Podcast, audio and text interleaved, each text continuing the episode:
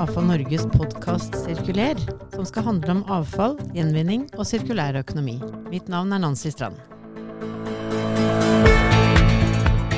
Gjest i dag er eh, Anders Magnus Løken fra Deloitte. Han eh, er leder for klima og bærekraft i Deloitte Norge, og har eh, vært prosjektleder for utarbeidelse av kunnskapsgrunnlaget for sirkulærøkonomistrategien som tidligere snart klima- og miljøminister Sveinung Rotevatn la fram i, på forsommeren i, i, år. Så velkommen til deg, Anders Magnus. Tusen takk, Nancy.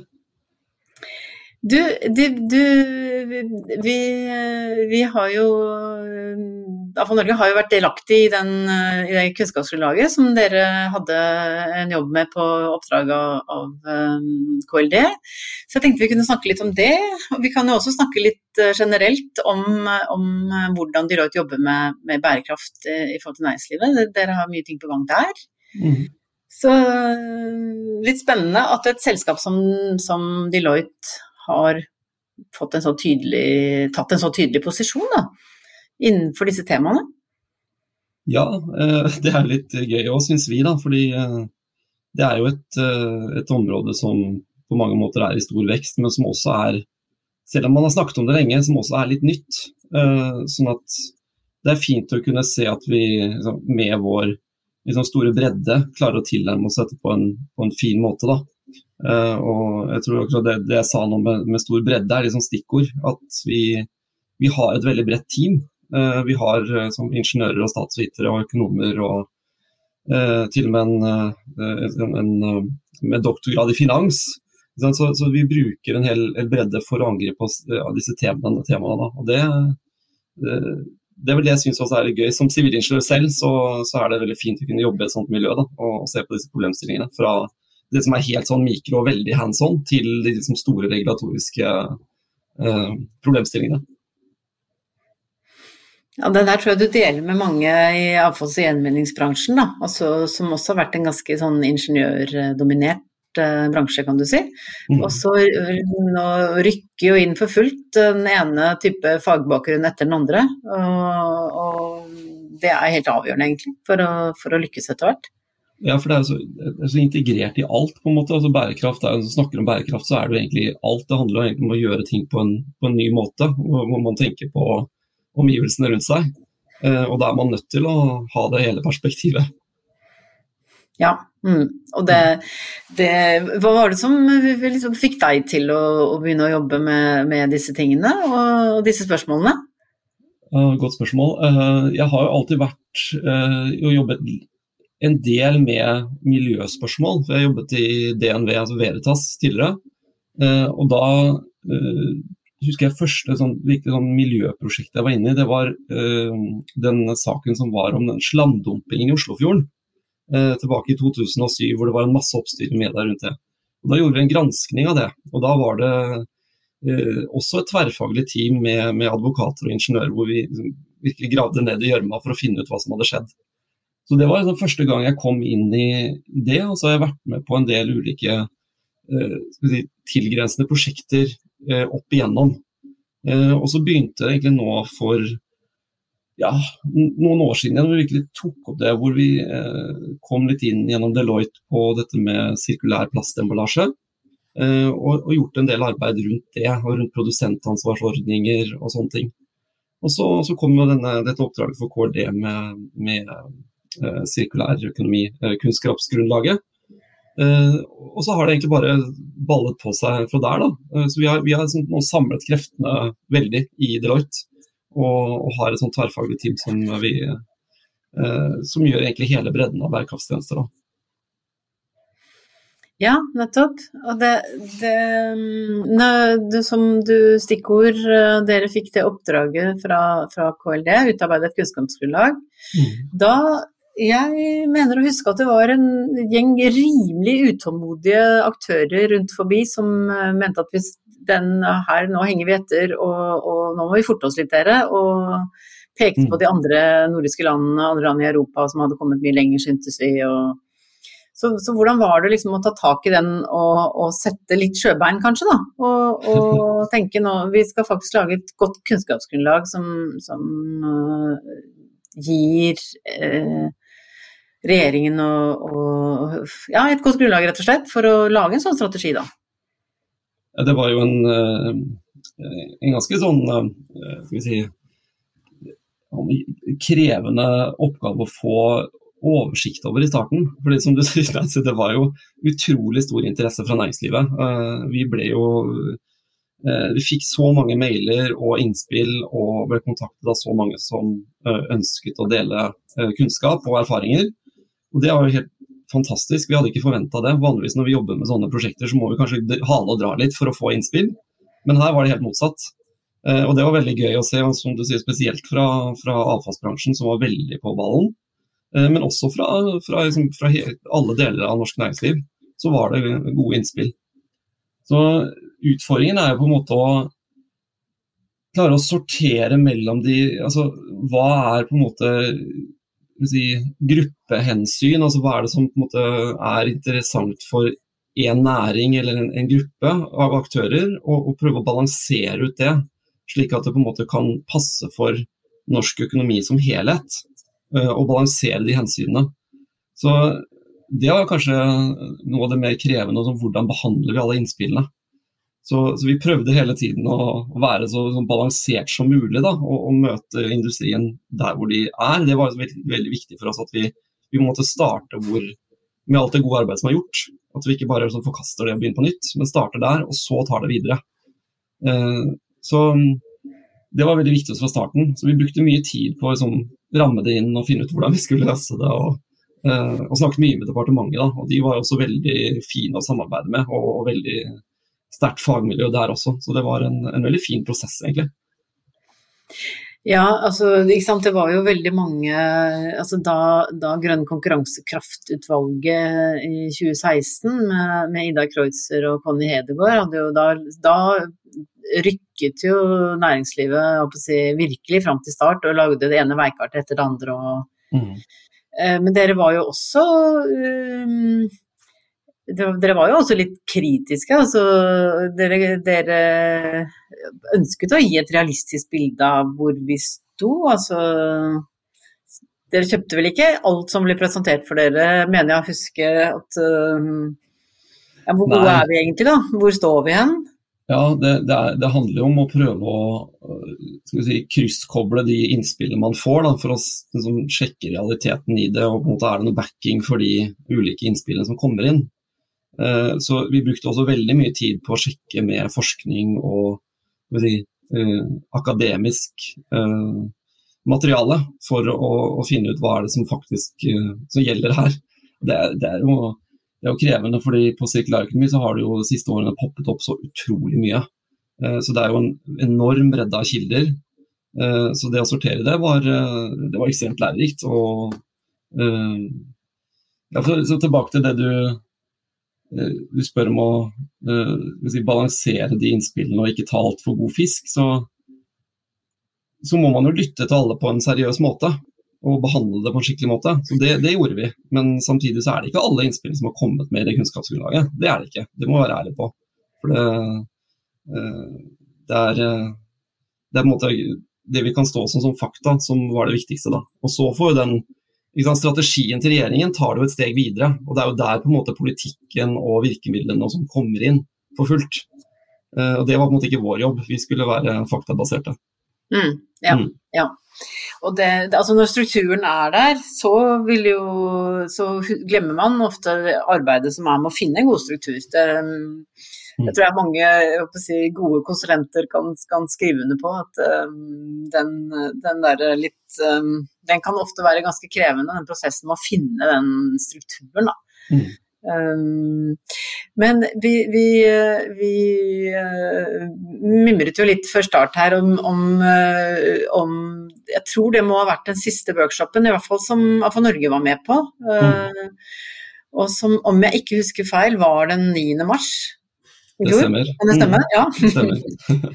For da husker jeg vi hadde begynt sånn, vi kunne ikke håndhilse, vi, måtte, vi ble sånn med albuer og tær og og sånt noe. Men pandemien liksom hadde ikke ordentlig Den hadde ikke fått ordentlig tak ennå, men det gikk ikke veldig mange dager før den Ja, Det var en spesiell setting å arrangere den workshopen der. Vi har jo et, et stort møterom som uh, egentlig har plass til over 100 mennesker, men på den, den 9. mars, da, tre dager før nedstengingen, så var vi omtrent 50 mennesker på det innspillsmøtet på workshop i det rommet.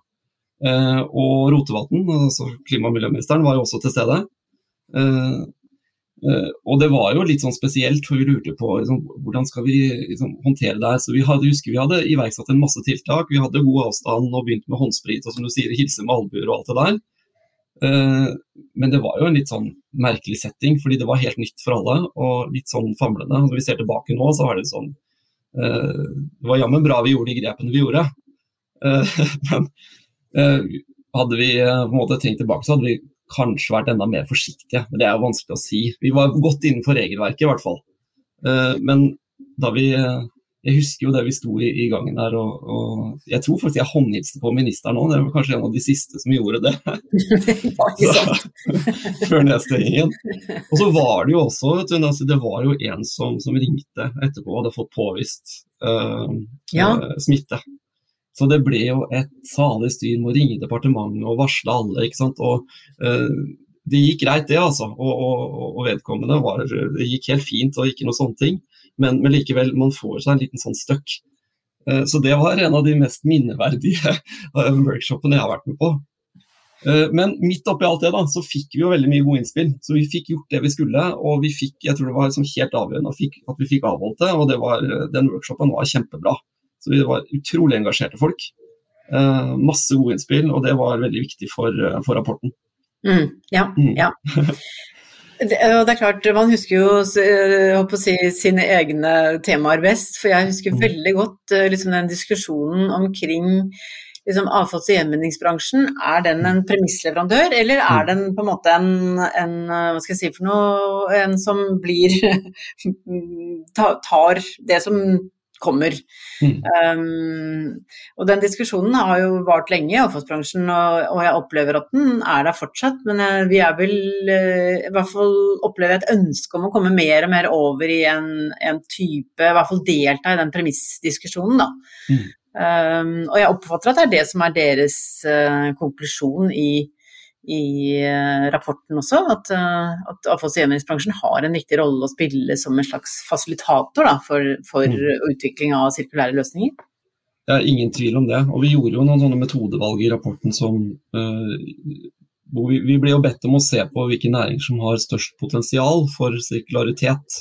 Og Da lagde vi noen indikatorer som gikk på de næringene som har noen høy ressursbruk, bruker mye uh, materialer, uh, og som også har mye avfall.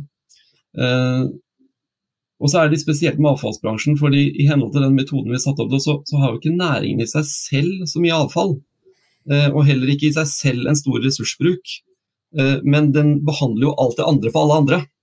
Og på den måten så er jo avfallsbransjen helt avgjørende for å få til den uh, endringen over til en mer sirkulær økonomi. Så, så, Den ble på en måte behandlet litt sånn spesielt, avfallsbransjen, i, i rapporten. Og Det tror jeg er viktig for å si at det er en fasilitator og en muliggjører for at, eh, at det i det hele tatt skal skje noe. Mm, mm.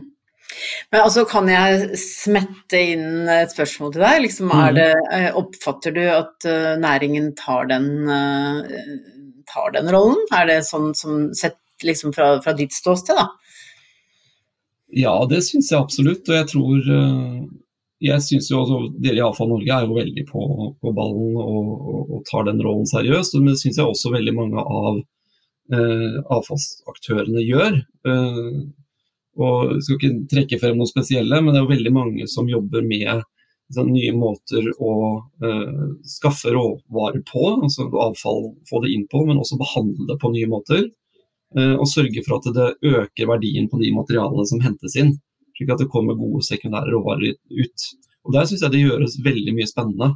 Og det gjøres også, ser jeg nå, mer samarbeid på tvers av, uh, av um, aktører, men altså oppover og nedover i verdikjeden. Uh, og Det syns jeg er kjempespennende. Så jeg tror at uh, For å sette det litt sånn på spissen, altså, sånn, gammeldagse avfallsbransjen for mange år siden, som, som bare flyttet avfall fra, fra, A til B, blir på en måte en helt ny verdiskaper på mange måter. Hvor uh, verdien på uh, materialene og produktene som kommer ut i andre enden, økes betraktelig. Uh, og så er det selvfølgelig mange barrierer i veien for det, som vi peker på. men det er jo gøy at det skjer selv om kanskje mye av reguleringene og virkemidlene ennå ikke er på plass. da. At det mm. tas eget initiativ. Mm, mm. Mm.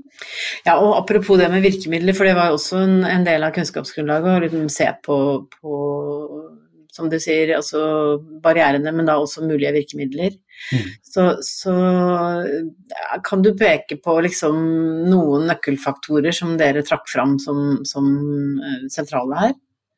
Ja, det er jo ganske mange vi trekker fram. Et grunnprinsipp for det er jo at um, det finnes jo sånn man Man snakker om litt sånn teoretisk om sånne virkemiddeltrapp, hvor man har på en måte de strengeste virkemidlene på toppen, som er sånn påbud og forbud. Da får man en absolutt stopp eller start på noe.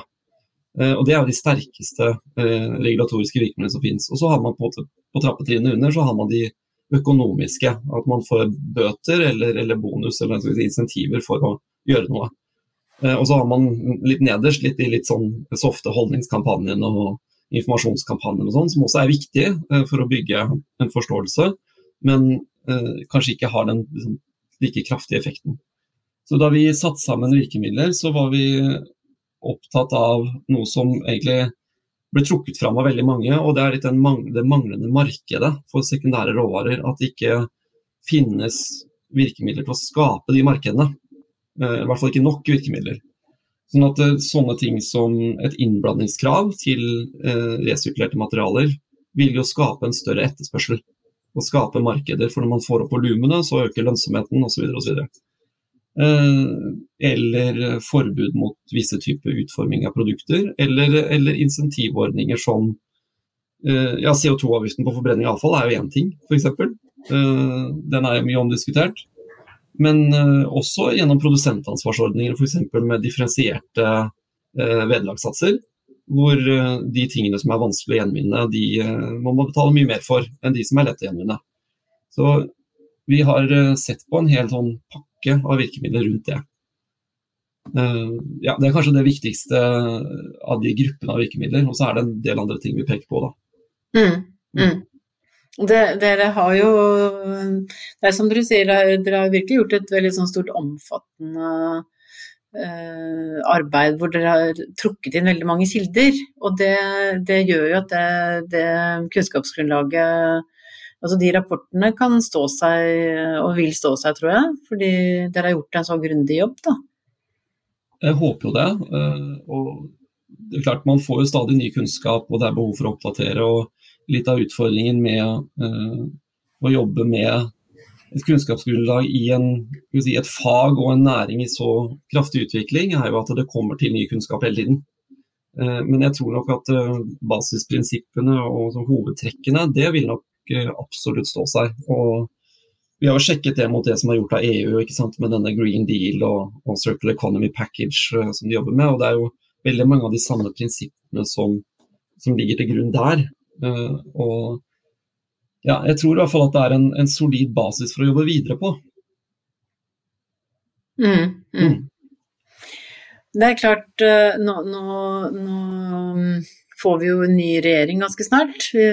Akkurat når vi snakker sammen nå, så vet vi ikke akkurat helt hvordan det blir, men en ny regjering blir det i hvert fall. Så, så hva, hva, kan vi forvente oss, eller hva håper du på, på, vil skje videre nå med den strategien som, som ble lagt fram før sommeren? Ja, eh, veldig godt spørsmål. og Det er jo det er litt vanskelig å spå og se i krystallkula. Men eh, vi syns jo at det, eller Mitt hovedinntrykk med den strategien som ble fremlagt, er i hvert fall at eh, man har virkelig forstått hva sirkulær økonomi er.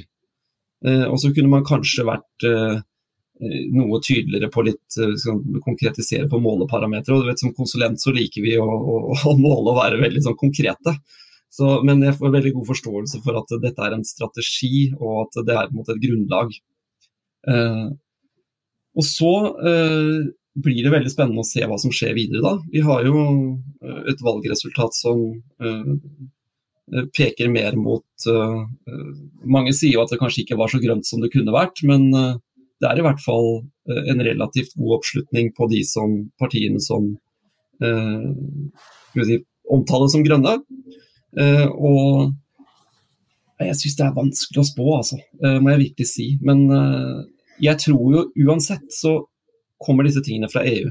Man får stadig nye direktiver. EU jobber veldig aktivt på dette. og Så lenge vi har EØS-avtalen, så er Norge forpliktet til å innføre uh, disse tingene som kommer fra EU. Og I så måte så tror jeg vil se at uh, regjeringsskiftet kanskje ikke har sånn uh, kjempestor umiddelbar betydning. Men nå gjetter jeg egentlig litt vilt og utover min, min skarve konsulentkompetanse. Men vi har i hvert fall et håp uh, ja. om at, uh, at, det vil stå seg, da. Ja. Mm, mm. det, ble, det ble lang, lang forklaring på, på, på, ganske kort innhold. ja, men altså øh, øh, Det du kanskje ikke vet, er jo at jeg har jo en bakgrunn som konsulent øh, fra tidligere. Mm. Um, og jeg har jobbet mye med miljørådgivning i forhold til næringslivet, og da er det ett tema, eller ett poeng, da, eh, som jeg syns er like gyldig da som nå, eller omvendt, nå som da, det er jo at eh, dette er jo en trend som fortsetter. Altså eh, Og den forsterkes jo bare. Mm. Så, så de, de, ytre kravene og det som Grunnen til at vi gjør dette, det endrer seg jo ikke. Tvert imot. Mm. Ja, det er helt riktig. Så, men det bringer meg litt over til uh, å, å, tenke litt rundt og høre litt med deg nettopp hvordan da et selskap som Deloitte jobber da, med næringslivet. Og, og, dette berører jo Vi er selvfølgelig litt ekstra opptatt av avfalls- og gjenvinningsbransjen, men som du sier, vi jobber med absolutt alle, alle andre bransjer. Mm. Så, så, det er veldig interessant å se nå liksom, hvordan bærekraft i forhold til næringslivet også har fått en ny kraft. Mm. Så der gjør dere også flere ting. Ja, vi jobber jo med alt innenfor klima og bærekraft. Eh, eh, og for å si litt sånn om, om hva vi ser de rører seg da, innenfor dette. Og klima har jo på en måte vært den store tingen på agendaen. Man fikk jo denne eh, FNs klimapanel siste rapport for, for bare eh, litt over en måned siden. Og, og, det er ikke noe tvil om at for næringslivet så har Eh, klima har vært eh, veldig viktig, og veldig mange jobber med å få opp gode klimaregnskap eh, og rapportere på det. Og det som er interessant, altså er at veldig mange virksomheter nå ser mye mer på hele verdikjeden. Før så snakket man om egne utslipp og, de direkte utslipp man har fra egen virksomhet. Men det er veldig mange flere nå som som vi jobber med, som uh, ser på hva er utslippene i verdikjeden. Altså Hvilke utslipp har våre leverandører, og hvilke utslipp gir våre produkter. Uh, og, og, Det er, en, uh, det er en, klart en, en, utfordring for mange fordi man trenger å skaffe data på det. Uh, så vi jobber veldig mye med å finne ut hvordan man skal skaffe data og løsninger for, for det. Um, og så ser vi også at i tillegg til det så er det veldig mange som jobber med uh, altså Klima og sirkulærøkonomi er veldig tett knyttet sammen. Fordi materialbruk gir veldig mye utslipp.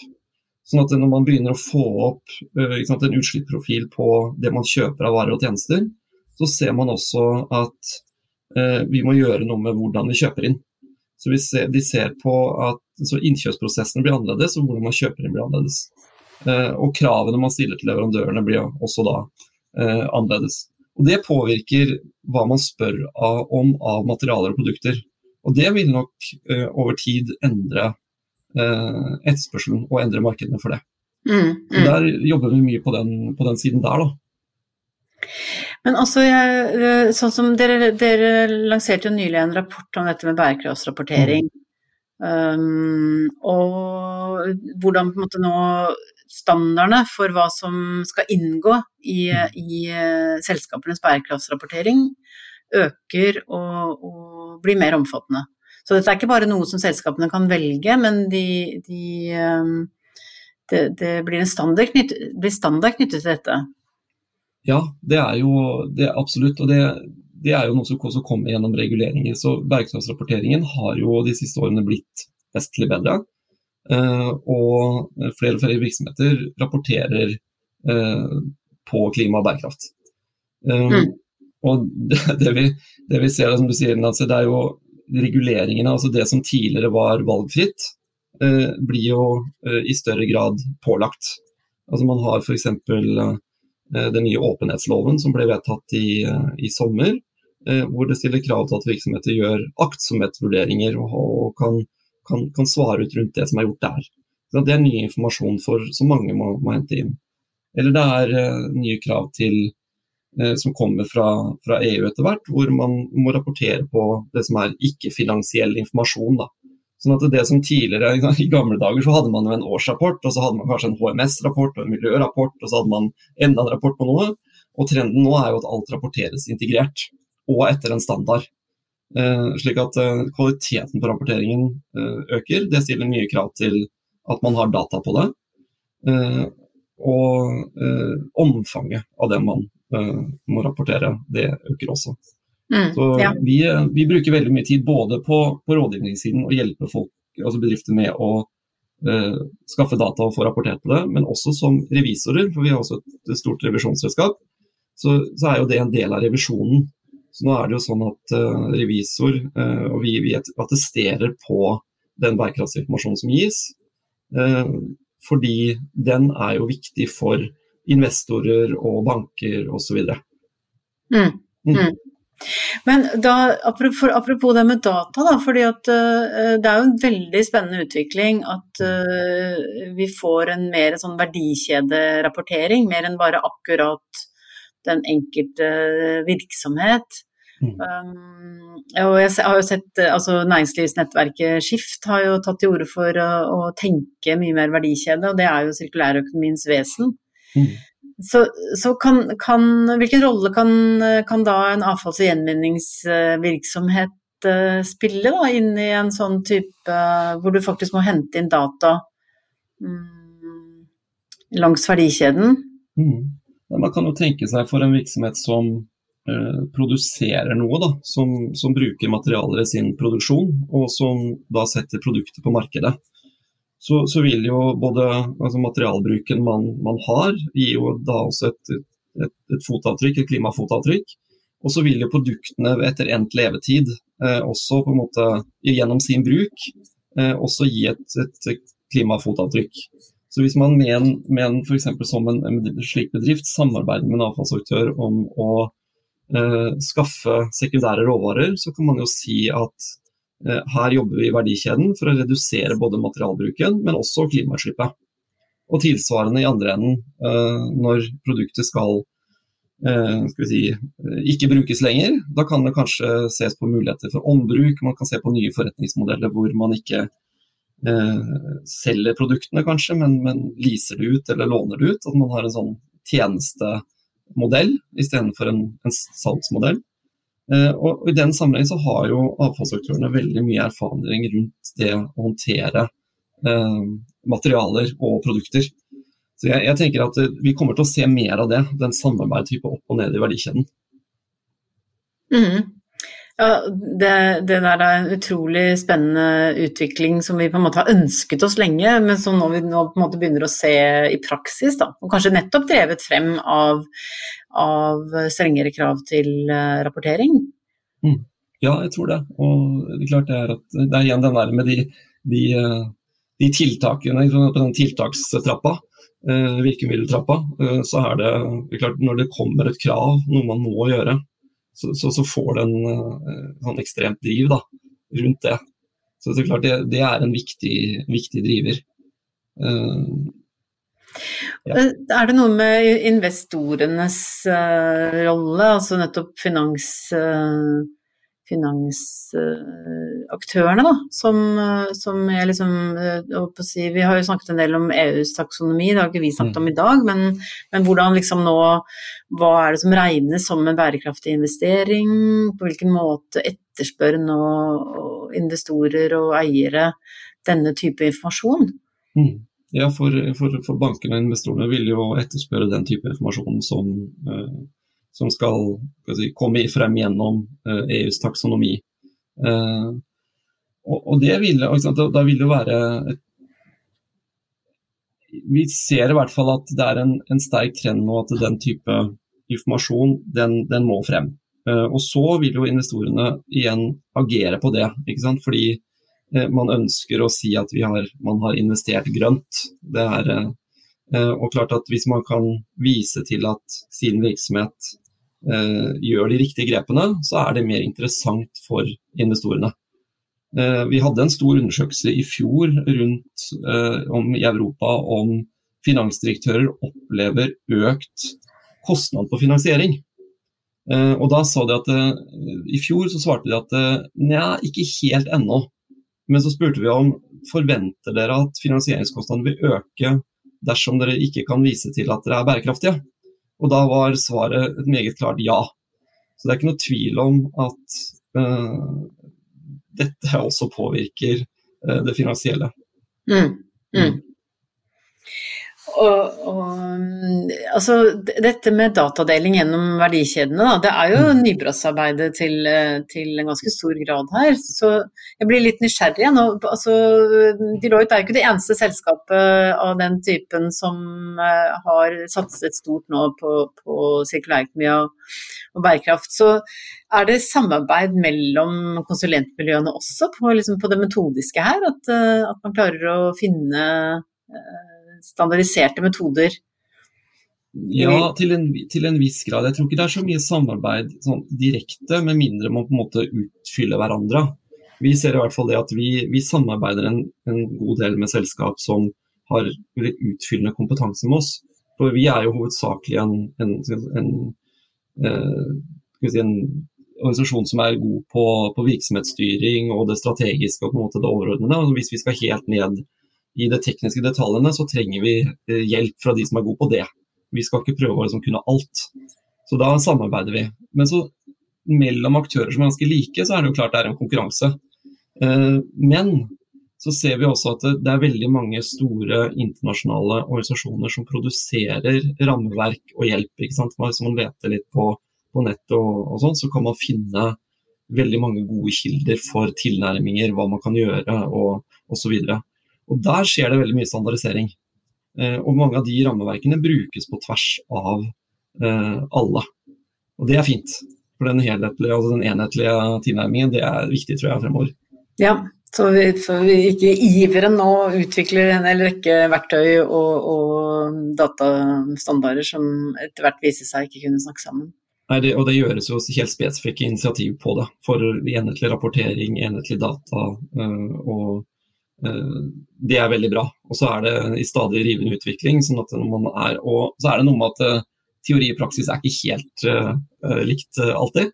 så når vi er ute og hjelper våre kunder, så, så kommer det jo opp problemstillinger som, som, er helt særegne for den kunden. Som man må kunne håndtere der. Så, så, ja, man kan standardisere til en viss grad, og så må man ha en forståelse og en bransjekunnskap for å kunne gjøre det i praksis. da. Så hva tror du blir det aller viktigste eh, fremover i, i, i, det, i arbeid med sirkulærøkonomi og bærekraft? Er det et, et, er det et spørsmål det er mulig å stille, eller er det mulig å svare på et sånt type spørsmål? Det er et veldig stort spørsmål. Eh, jeg tror det aller viktigste er eh, å henge med. Tror, altså det som kommer fra EU og det som skjer i det internasjonale markedene, er jo sånn at det kommer en veldig kraftig omstilling. Og det er jo pekt på av flere, ikke sant, fra både denne eh, internasjonale energibyrået, men også fra andre peker på at Norge er i en særstilling litt ekstra utsatt. Fordi vi er så tunge innenfor olje og gass. Og den omstillingen vil jo være eh, krevende. Eh, men så jeg tror rett og slett man må følge med, og så må man eh, ja, man må, man må, tørre å gjøre de grepene uh, skal vi si, tidlig nok da, for å henge med i konkurransen. Fordi jeg tror, uh, jeg tror det kommer til å være en uh, fortsatt rivende utvikling på dette området fremover. Og akkurat sånn, hva som skjer vil nok avhenge av liksom, ulike markeder og den enkelte bedrift. men det er ikke noe tvil om at nå her må man følge med tida. Mm, mm, ja. Mm. Det tror jeg blir et avsluttende godt råd til, som, kan, som mange tror jeg bare skal ta inn over seg, må ta inn over seg. Så tusen takk til deg, Anders Magnus, for at du var med i dag. Tusen takk for at du fikk være med, Nancy. Da gjenstår det bare å takke for i dag. Takk for at du har lyttet til AFO Norges podkast. Takk til vår produsent Håkon Bratland. Har du innspill, send det gjerne til sirkuler at afonorge.no. Ha det bra!